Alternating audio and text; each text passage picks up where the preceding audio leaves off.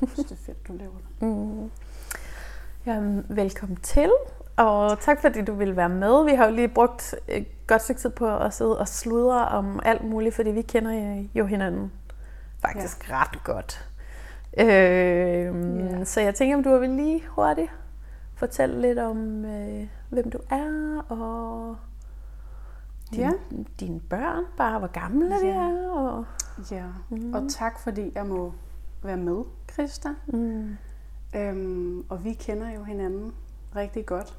Øhm, både med, jeg har jo en lille, stor en på tre år nu, og så øh, en lille en på ja, lidt over et år, som du var med til fødslen af her sidste år. Mm. Øhm, og jeg er jo 25, så øh, jeg er jo beriget med to dejlige børn i mit liv allerede. Og har en sød mand også, øh, som er faren til mine børn. Øh, den styrke, der er øh, som kvinde, med, med det, man ligesom skal igennem, når man føder og bliver mor, det bare er helt vildt spændende og noget, der ændrer en øh, resten af livet. Og det kan jeg da også se på mig selv. Så det synes jeg bare er... Jeg synes, det er spændende, og det er fedt, at det også er noget, du tager op nu. Ja, fordi vi mødte jo hinanden på sådan... Vi mødte jo faktisk hinanden, da, da din ældste var helt bitte lille. Ja. Og ja. vil du fortælle lidt om, hvad, hvorfor vi, vi to ja. mødtes? Jamen, øh, vi, øh, jeg tror, jeg kontaktede dig, da han var, han var 3-4 måneder gammel. Øh, fordi min mand og jeg havde haft et øh, rigtig hårdt fødselsforløb med ham. Øhm, ikke selve fødslen sådan som altså fysisk, men alt det, der ligesom var omkring os, og der foregik. Og det, øh, det var overhovedet ikke det, jeg forventede øh, i overgangen til at blive mor, at jeg altså skulle stå på den anden side med mit barn i armene og faktisk øh, have en følelse af, jamen, hvad der var foregået. Øh, så jeg skrev til dig om øh, hjælp til en efterfødselssamtale, fordi jeg følte, der var et eller andet her i min krop, der bare gik i totalt forskellige retninger. og der var noget, der ikke føltes rigtigt, og som jeg havde brug for at, at snakke om. Øhm, og du kom jo ud til en, øh, en snak med min mand og jeg. Øhm, og jeg fik jo fortalt, hvad der var sket, og hvordan jeg havde det. Øh, og det var jo en sindssygt kaotisk periode, fordi man var jo stadig lidt i chok over, hvad der var sket. Øhm, og det endte jo så faktisk med, at øh, vi havde den her snak, og efterfølgende var vi jo sammen med dig øh, til en snak på hospitalet også, hvor du ligesom var med og, og sad ved siden af. Og det kan du var... huske, hvad det var, der... Øhm, kan du huske, hvad det var, der fyldte for dig lige der, og hvorfor du havde brug for den efterfødselssamtale? Ja, jamen det, der fyldte for mig, det var, jeg var helt vildt ked af det.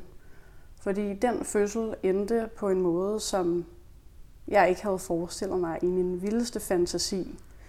Og som vi jo bagefter også fandt ud af, at det var slet ikke nødvendigt, alt det, der var foregået. Og jeg tror egentlig, at det, der gjorde, det, det føles sådan, det var en eller anden form for, at jeg havde fået frataget min fødsel. Det var ligesom, det er den fornemmelse, jeg sad med der, og den, jeg har nu. Øhm, og der var det jo rigtig rart, ligesom at have dig til os at gennemgå, jamen rent trin for trin, hvad var der sket, hvorfor skete det her, og bagefter også skulle sige, jamen der skete jo nogle ting, som faktisk slet ikke var nødvendige, men som har haft en kæmpe betydning for mig efterfølgende også. Mm. Vil du prøve at beskrive lidt om, hvad, hvad der skete under din fødsel, der gav dig den følelse ja. efterfølgende? Jamen det der skete, altså vi havde planlagt en, øhm, en hjemmefødsel af ham. Øhm, og der kom jo en jordmor ud, altså vi var jo førstegangsforældre og ligesom var i det her forløb med, så går man til de her tjek, og man følger nogle forskellige ting. Øhm, og da jeg så endelig gik i fødsel øhm, med vandafgang, og der kom en jordmor ud fra hospitalet, øhm, der var der meget, meget mildt grønt fostervand. Øhm, Og jeg var jo, på det tidspunkt havde jeg V-storm, og man har ikke prøvet det før, og man går lidt i panik, og hvad er nu det, og hvad skete der? Det var meget intenst. Øhm, og på en eller anden måde, jamen, så endte det med, at vi øh, havnede på hospitalet. Og det er jo egentlig ikke øh, så meget, når jeg kigger tilbage på det, det med, at man ender på hospitalet, fordi en fødsel kan udvikle sig til højre og venstre. Men det var mere de ting undervejs, så jeg havde jo fornemmelsen af, altså for jeg fik vandafgang af min fødsel, ligesom øh, den forløb over fem timer. Så det var jo relativt hurtigt. Virkelig hurtigt. Øhm, og jeg var jo øh, totalt et andet sted, øhm, sådan op i mit hoved, at jeg skulle bare det her barn ud, og hvad der ligesom skete. Og der undervejs i fødslen bliver jeg jo øhm, ligesom placeret også på nogle måder, hvor jeg føler ikke, jeg har mig selv med. Altså jeg har ikke, jeg er ikke selv beslutningstager omkring, hvad der skal foregå, hvordan jeg skal ligge. Øh, for koblet nogle ting på også, som jeg synes var helt vildt voldsomt, og som jeg faktisk ikke følte, jeg var en del af. Øhm, og jeg havde jo også på forhånd skrevet øh, jamen, nogle linjer omkring, hvad jeg kunne godt tænke mig. Jeg kunne også godt tænke mig, at min mand han var med ind over, hvis jeg ikke selv var i stand til det. Og det var jeg jo ikke der. Fordi det gik så hurtigt. Lige præcis. Øhm, og der blev jeg bare talt over hovedet. Og det er egentlig den del, som jeg som sidder også i mig i dag, når jeg kigger tilbage på det, som faktisk har været det værste ved det forløb. Det er egentlig følelsen af, at man ikke øhm, er blevet hørt, og man ikke selv kan bestemme over sin krop. Fordi det var den følelse, jeg havde. Øhm, man kan jo føde, hvor end man vil. Om jeg går ud nu og sætter mig i skoven og føder, det er mit valg, det er min beslutning. Øhm, og det synes jeg bare, det har i hvert fald givet mig noget efterfølgende også til anden fødsel, at det er mig, der skal føde det barn. Det er ikke en eller anden. Det er ikke et sygehus eller en anden jordmor.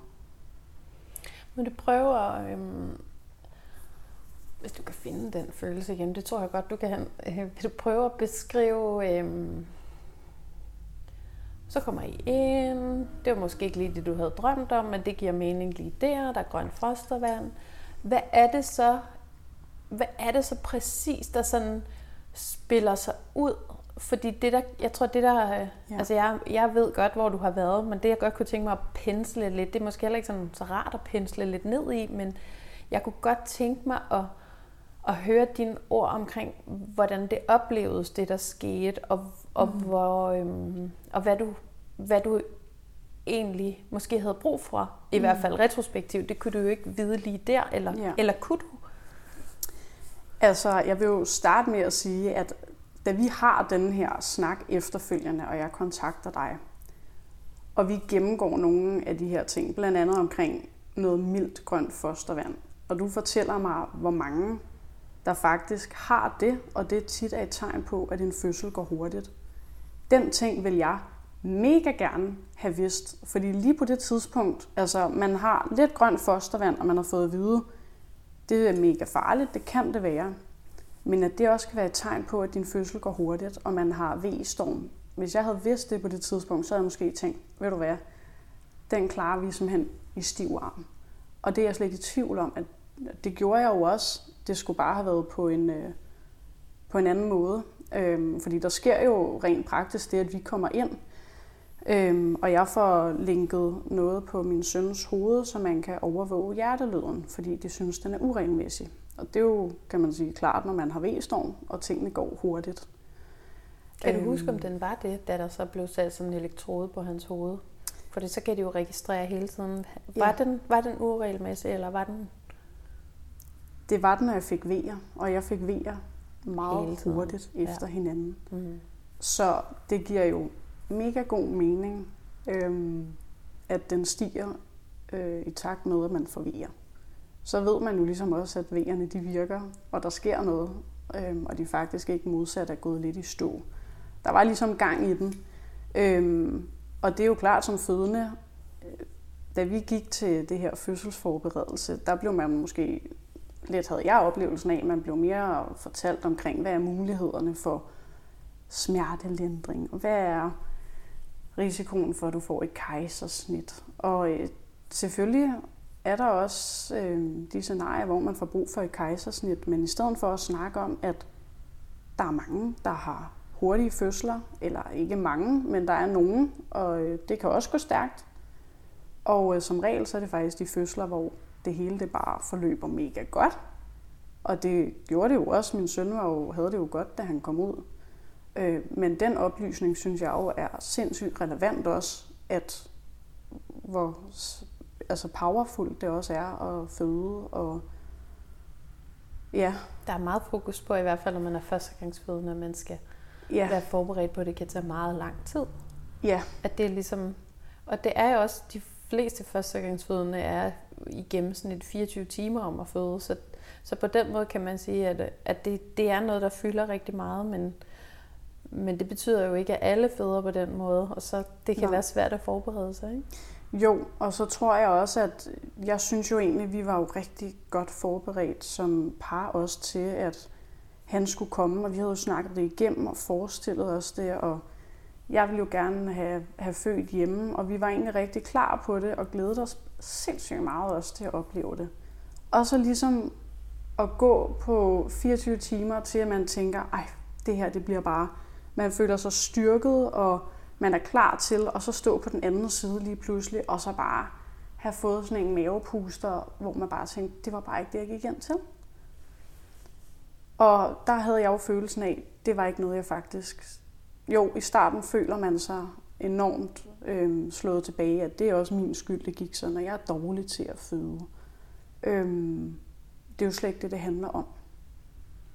Men det er klart, at når man får at vide på en eller anden måde og bliver placeret, som man jo føler, man ikke har andet valg end bare at gøre.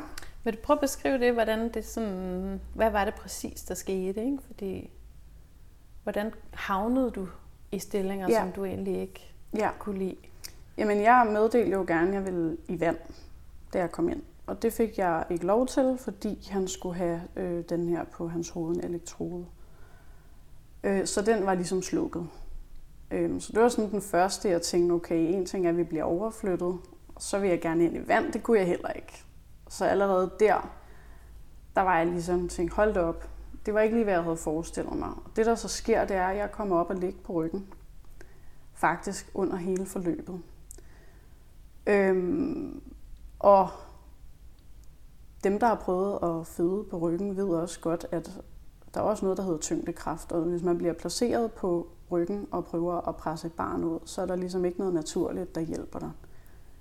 Øhm, og det var ikke rart. Det var ikke rart at ligge i en stilling, hvor øhm, man har mega mange vejer. Øhm. Kunne, du, kunne du i den situation bedt om at komme i en anden stilling? Jeg, jeg, jeg, leder, jeg leder efter, hvordan det var at være dig lige der. Øhm, ja. hvad, hvad kunne du have brug for? Hvad, hvad manglede du for at... Jeg var enormt bange. Øhm, jeg var helt vildt bange, da jeg lå der. Jeg kan huske, jeg tænkte, det her, det kommer til at... Jeg tænkte faktisk, den her proces, den bliver lang at komme ovenpå. Øhm, jeg havde brug for... Min oplevelse var jo egentlig bare lidt, at jeg skulle bare føde, og det skulle bare, barnet skulle ud, og så ligesom videre i teksten. Og jeg havde min mand ved siden af, og jeg tror, han var jo også enormt, øh, jeg tror ikke, han var bange, men han var chokeret over alt det, der skete. Øh, så jeg var, jeg var helt vildt bange, da jeg lå der, og man fik at vide, at jamen, han har uregelmæssigheder i sin kurve, og man er jo bange for, at han kommer ud og ikke har det godt. Så det var en eller anden frygt, og jo, jeg kunne måske godt have bedt om at komme om på en anden side, men det tænker man ikke i momentet, når man ligger og egentlig bare har det og dårligt. det er det, det, er det, jeg har, det er det, jeg har lyst til at sådan, det er det, jeg har lyst til at give lidt opmærksomhed lige nu. Ja. Fordi det, det, som jeg rigtig meget hører, og som du også lige noget forbi et øjeblik, men tænker bagefter, at man var dårlig til at føde. Mm. Jeg har rigtig meget lyst til at sådan nørse lidt rundt i, at jamen, jeg kunne måske godt have bedt om noget, men hvad er det, der gør, at man ikke kan det lige der? Ja. Jeg er interesseret i, om du har lyst til, jeg ved godt, det kan godt være lidt smertefuldt sted, men at du har ja. lyst til at folde det lidt ud. Ja. Fordi for mig er det virkelig i sagens natur, det der der ja. ikke kan lade sig gøre, men bagefter kan tænke, hvorfor kunne jeg ikke mm. bare gøre det? Ja.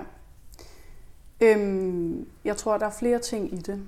Og den ene ting er jo selvfølgelig, at vi følte os jo klar til at føde. Følte, vi havde forberedt os.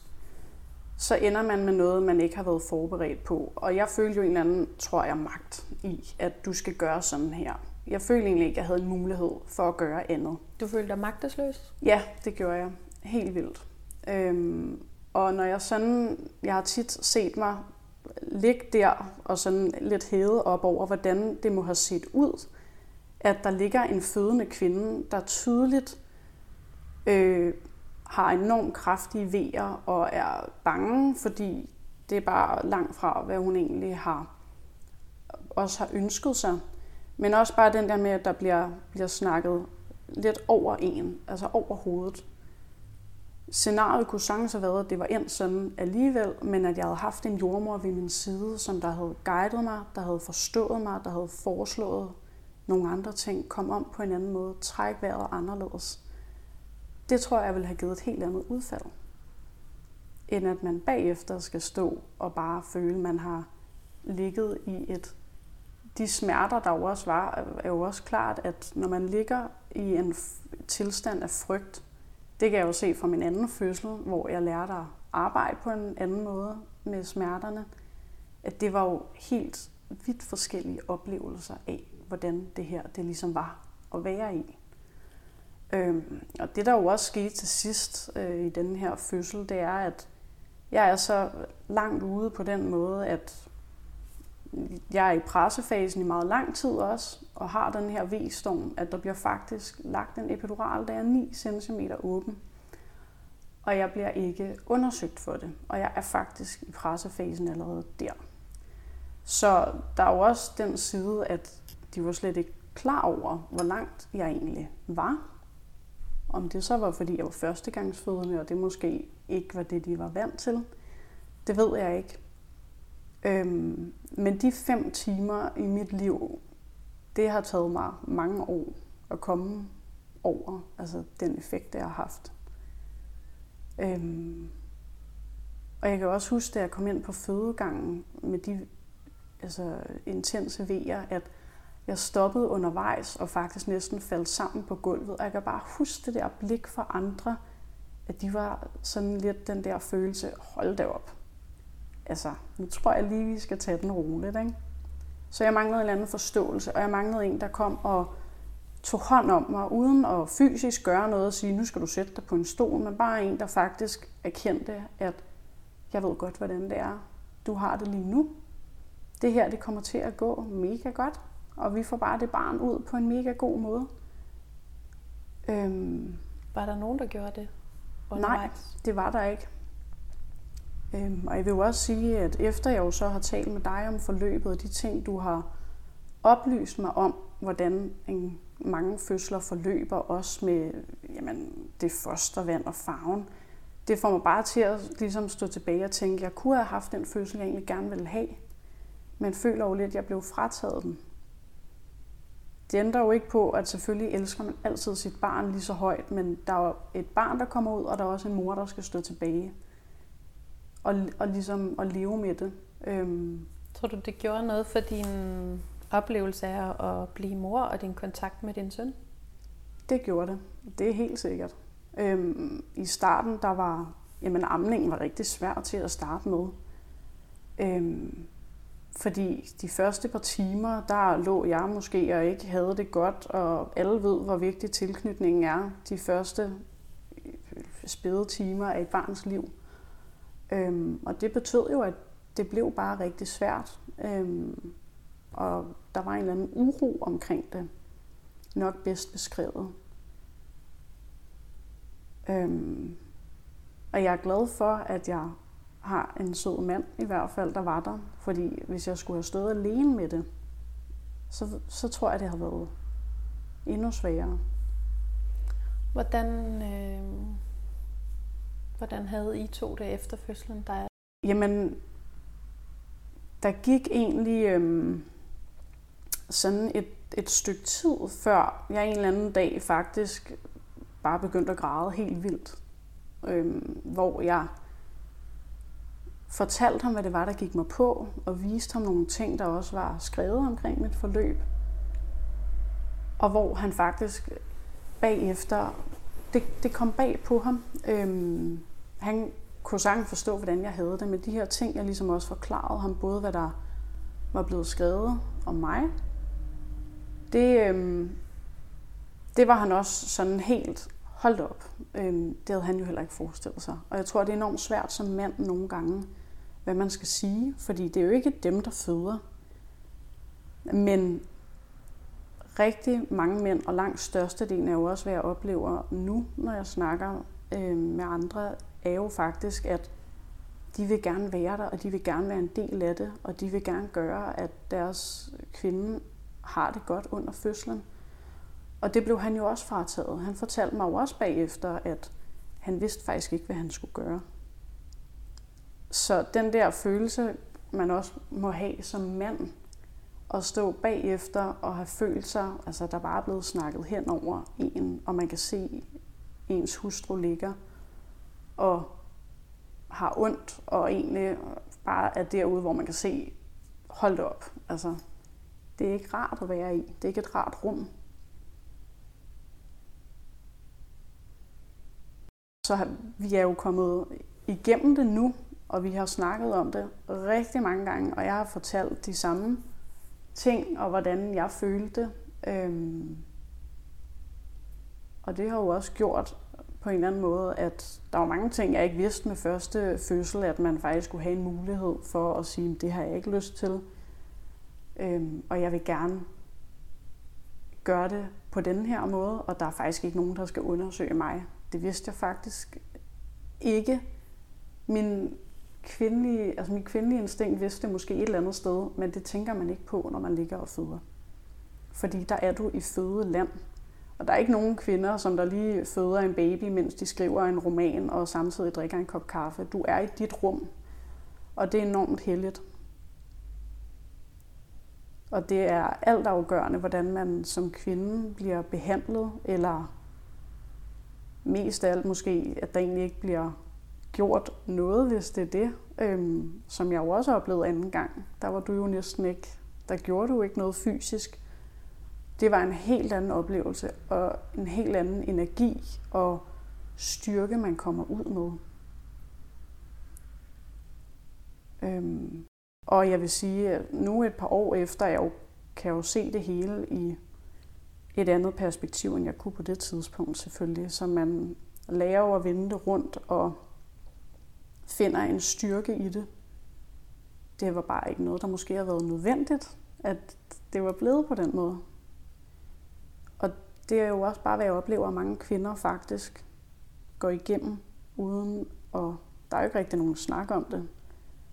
Fordi det er bare sådan, og det er jo en fødekultur, som måske bare er lavet på den måde. At, øh, at mange kvinder øh, skal gøre føde på en bestemt måde, og så skal man føde der og der, og så kommer man hjem, og så bliver amningen etableret, og så er man en lille familie, der kører derud af. Det er bare ikke sådan, virkeligheden er. Det er super illustrativ i forhold til at sætte nogle ord på, hvordan det kan påvirke en, hvordan man bliver behandlet. Øhm, og jeg tænker specielt på, hvordan du havde det i din anden graviditet. Vil du, mm. vil du prøve at fortælle lidt om, hvordan det var, og så blive gravid igen og vide, at man havde fødslen foran sig? Øhm, jamen, jeg blev jo egentlig, der gik jo ikke så lang tid fra den første til jeg blev gravid igen. Der gik vel et år. Øhm, jeg elsker jo børn, så jeg har jo aldrig været i tvivl om, at jeg skulle have flere børn selv efter den første. Men det var da, øhm, det var nervepigerne forstået på den måde, at man var stadig lidt i et stadie, at man bearbejdede nogle ting fra første fødsel. Jeg kontaktede jo dig, da jeg var seks uger henne, fordi jeg vidste, at den her fødsel, den skulle være anderledes. Også selvom vi havde forberedt os til den første, så skulle jeg bare være sikker på, at næsten uanset hvordan det ville ende med nummer to, om det var derhjemme, om det var i bilen eller et eller andet andet øh, crazy sted, så skulle jeg bare være med som menneske. jeg skulle være til stede i min egen fødsel. Øhm, så der var jo mange ting, der gik igennem mit hoved. Øhm, jeg har jo altid haft ligesom den overbevisning og har mm, følt med mig selv, at jeg ville gerne føde på en måde, hvor der var færrest mulige personer, og der var mest mulig ro. Og det var derhjemme, hvor jeg kendte tingene, og jeg vidste jo også, at jeg er jo en, der føder hurtigt. Øh, så, så det skulle egentlig bare være, som jeg gerne ville have det. Så vi begyndte jo at... Vi var jo ikke i tvivl om, at det skulle være derhjemme, og vi øh, snakkede jo med dig om, hvad vi godt kunne tænke os. Og der var jo egentlig ikke så mange ting, vi godt kunne tænke os. Mest af alt, at det bare skulle foregå, øh, som jeg synes, en fødsel skal foregå på mine præmisser. Det, jeg har lyst til, jeg vil gerne føde i vand. Det kunne også være i situationen, jeg gerne vil føde i sofaen. Jamen, så gør vi det. Øhm, så den der proces, altså de ni måneder, hvor man er gravid, og man forbereder sig, altså der var jo mange tanker i mit hoved. Og jeg synes, at jeg nåede også til et punkt, hvor jeg ligesom fik vendt de erfaringer, som jeg havde med mig til nogle ting, hvor altså, der var jeg ligesom, jeg havde et ståsted, jeg vidste, det her, det har jeg ikke lyst til at opleve igen. Jeg vil gerne være med selv, og jeg vil gerne ligesom vide, at den, der er der, for mig handler det jo også om, at det er en, som jeg kender. Det er jo et intimt øjeblik at føde. Du har ikke noget tøj på, og man er bare et sted i ens liv, hvor der kommer du ikke til at være igen på nær, når du føder. Så det at have en, man kender, altså dig med, og min mand, det, det var også vigtigt for mig, at jeg, ligesom, jeg vidste, hvad der skulle ske. Øhm, og vi forberedte os jo. Jeg undersøgte en masse ting også omkring, jamen, de ting, man også bliver, bliver tilbudt, hvis man føder på, og nu kan man vel sige traditionel vis, fordi sådan er det jo blevet til i dag, at man følger nogle normer, der er. Øh, så jeg gik jo i gang med at undersøge, altså også nogle helt simple ting omkring, skal mit barn have øh, nogle ting efter fødslen givet ind oralt? Skal jeg have det? Øh, og der nåede jeg bare til et punkt, hvor det synes jeg ikke harmonerer med, hvad jeg står for. Øhm, og det var enormt vigtigt som kvinde faktisk selv at kunne tage de valg og sige, det har jeg faktisk ikke lyst til. Og jeg skrev jo ned også til dig og havde en hel liste. Og det sjoveste var jo lidt, Krista, at selvom jeg havde lavet den liste, altså du kiggede aldrig på den, fordi du var bare sådan helt cool, at du fulgte egentlig bare, hvad jeg havde lyst til. Og det var mega stærkt for mig, og også ligesom at opleve, at der var faktisk en, der respekterede, at det var min krop, og jeg havde ikke lyst til at blive undersøgt, med mindre, som jeg skrev, at det er nødvendigt. Og det blev det aldrig, fordi du har jo haft mange fødsler, og kender jo også nogle tegn, og du sagde bare, men jeg kan se, at han er på vej ned, og der, der buler du lidt ud bagpå, så der går ikke lang tid, før du føder. Det var sådan helt, nå, okay, fint nok. Vi snakkede slet ikke til hinanden, egentlig under den fødsel. Øhm, så det var sådan et helt andet rum, der var.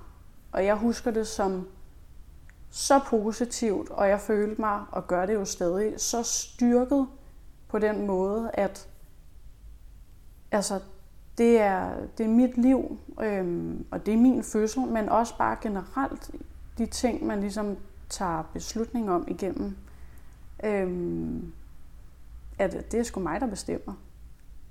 Og jeg er voksen nok til selv også at tage mine beslutninger.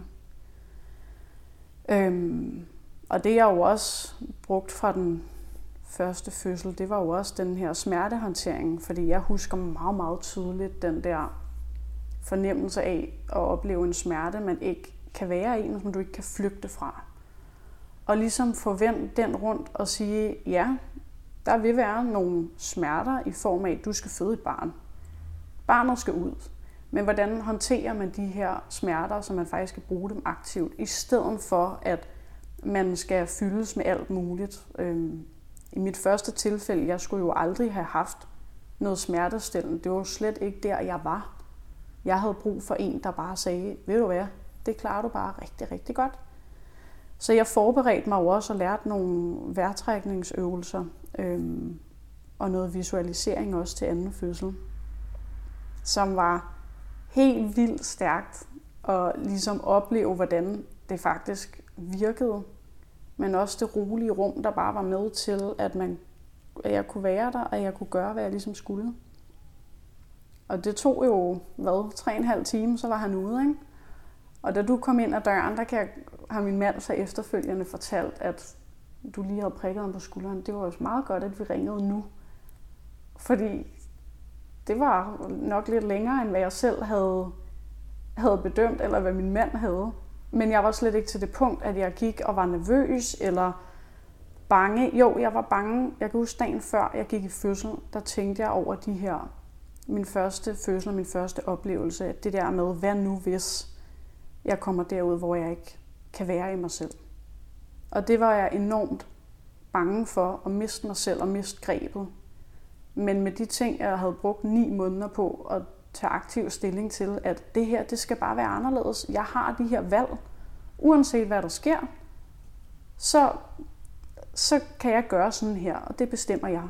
Og det styrkede mig bare i, at den klarer jeg bare, uden noget som helst. Skal der være flere børn? Det skal der. Der skal rigtig mange børn til. Og det, det tror jeg, øhm, det glæder min mand så egentlig også til. Og jeg tror, det der er lidt vildt, det er, en ting er at barnet, der kommer ud. At det er noget, man skal altså have resten af sit liv og elske og kysse og kramme. Men bare den her proces, der er også undervejs til at få et barn, altså det er så vildt. Øhm, og det var det jo også med begge børn, man kan sige. Der var ikke så meget, der ændrede sig.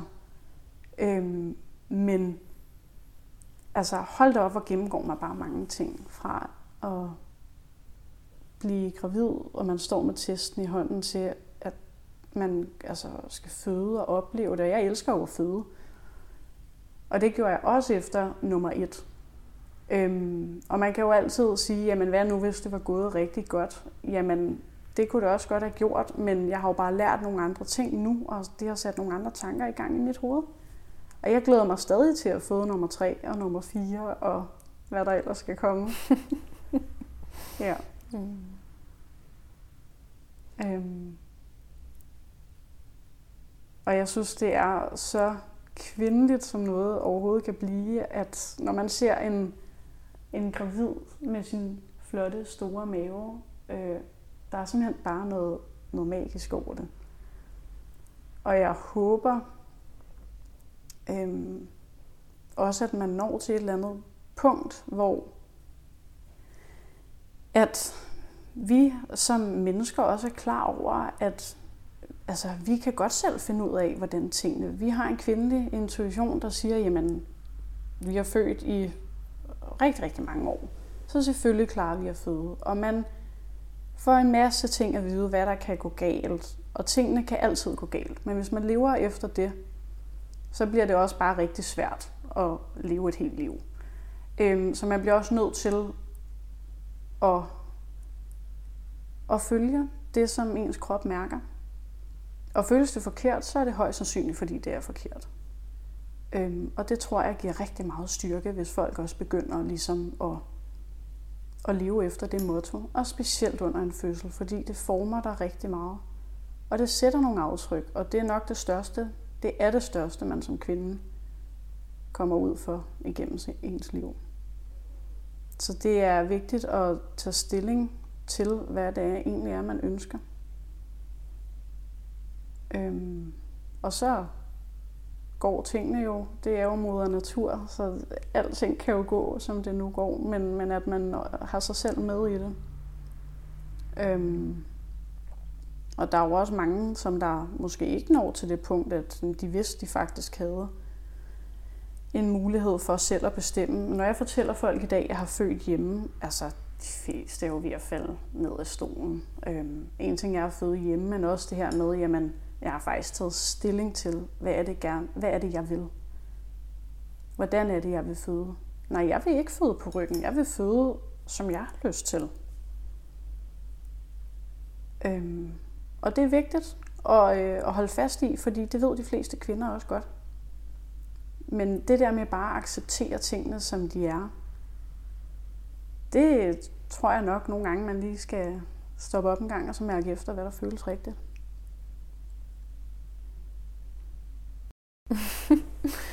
tak for din tak for din historie.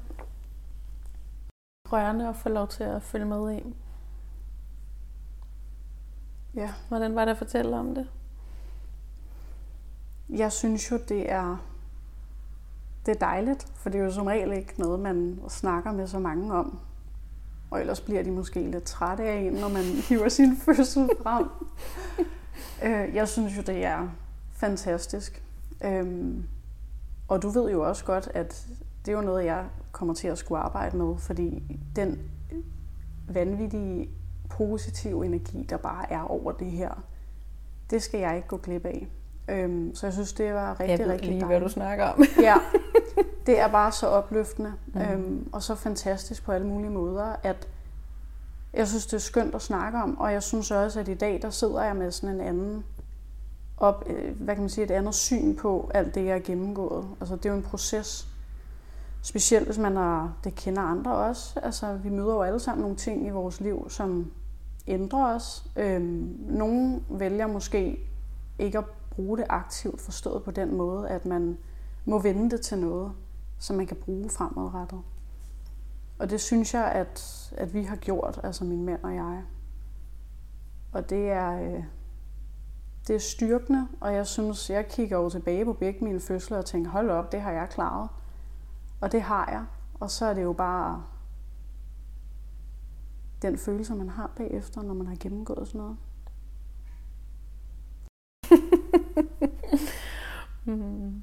Det er underligt Ja. at høre. Tusind tak for at dele.